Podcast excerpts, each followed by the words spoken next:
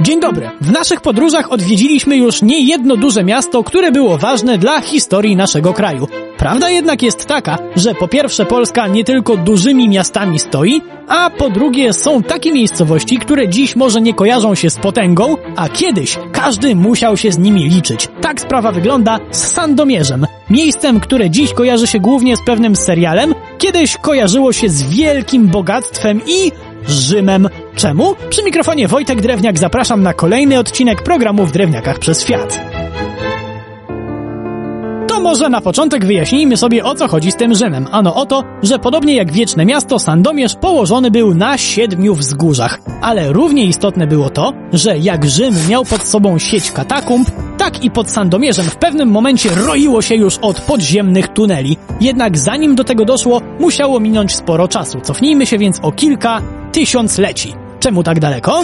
Bo pierwsze ślady osadnictwa w tym rejonie to właśnie okres neolitu. Jednak okej, okay, fakt, to nie było osadnictwo stałe. To zaczęło się w okolicach Sandomierza jakoś w VIII wieku, a czasy jak mieszkali tam nasi przedchrześcijańscy przodkowie, według niektórych słychać już w samej nazwie, która miała wziąć się od pogańskiego Zandomir albo Sendomierz. Inna teoria jest taka, że to właśnie tam Słowianie odbywali sądy pokoju. Oczywiście najbardziej odjechana jest legenda związana z królem. Większość miejscowości w tym kraju ma podobną i najpewniej nie mającą nic wspólnego z rzeczywistością. Ta sandomierska jest taka, że Bolesław Chrobry kazał wybudować gród obronny w miejscu, którym, i tu cytat, sam do Wisły zmierza. Darujmy sobie legendy i przejdźmy do faktów, a te są takie, że miejsce to było świetnie położone na skrzyżowaniu krajowych i międzynarodowych szlaków handlowych. I to nie tylko lądowych, bo wspomniane już Wisła i San też były w tamtych czasach bardzo ważne.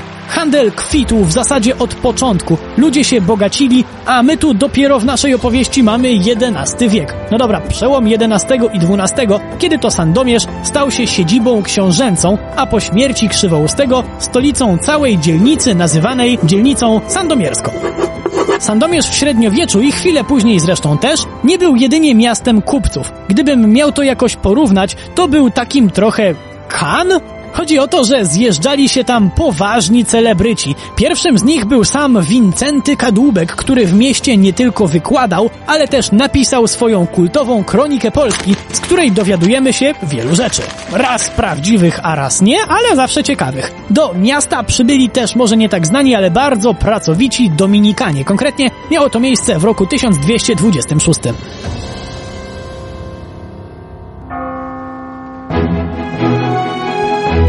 Nie dajmy się jednak ponieść sielskiej atmosferze, bo w Sandomierzu nie zawsze było kolorowo, na co najlepszym przykładem niech będzie połowa XIII wieku. Czemu?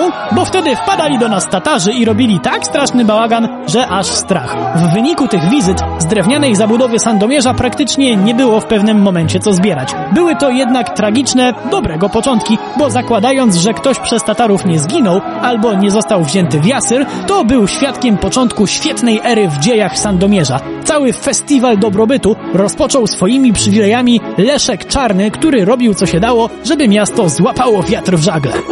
I szczerze bym się zdziwił, gdyby nie złapało po takim wysypie ulg. Mieszkańcy Sandomierza, lokowanego w trochę innym miejscu, ale nadal niedaleko, mogli za darmo korzystać z Wisły, budować na niej mosty i pobierać opłatę, wycinać lasy i organizować jarmarki. A właśnie, jarmarki. Jak już przy handlu jesteśmy, to czymś, co jeszcze mocniej podbiło status handlowej potęgi Sandomierza, było prawo składu dotyczące przede wszystkim śledzi i soli. Już parę razy to tłumaczyłem, ale nie zaszkodzi powtórzyć. Prawo składu oznaczało, że każdy kupiec wiozący na przykład objęte przywilejem śledzie musiał się zatrzymać w mieście i przez określony czas sprzedawać tam swoje towary i płacić cło. Miasto rosło w siłę, a jednym z największych fanów budowania mocnej pozycji Sandomierza był kultowy Kazimierz Wielki, jednak o jego wpływie na miasto i kolejnych losach Sandomierza opowiemy sobie już następnym razem. Przy mikrofonie był Wojtek Drewniak. Do usłyszenia.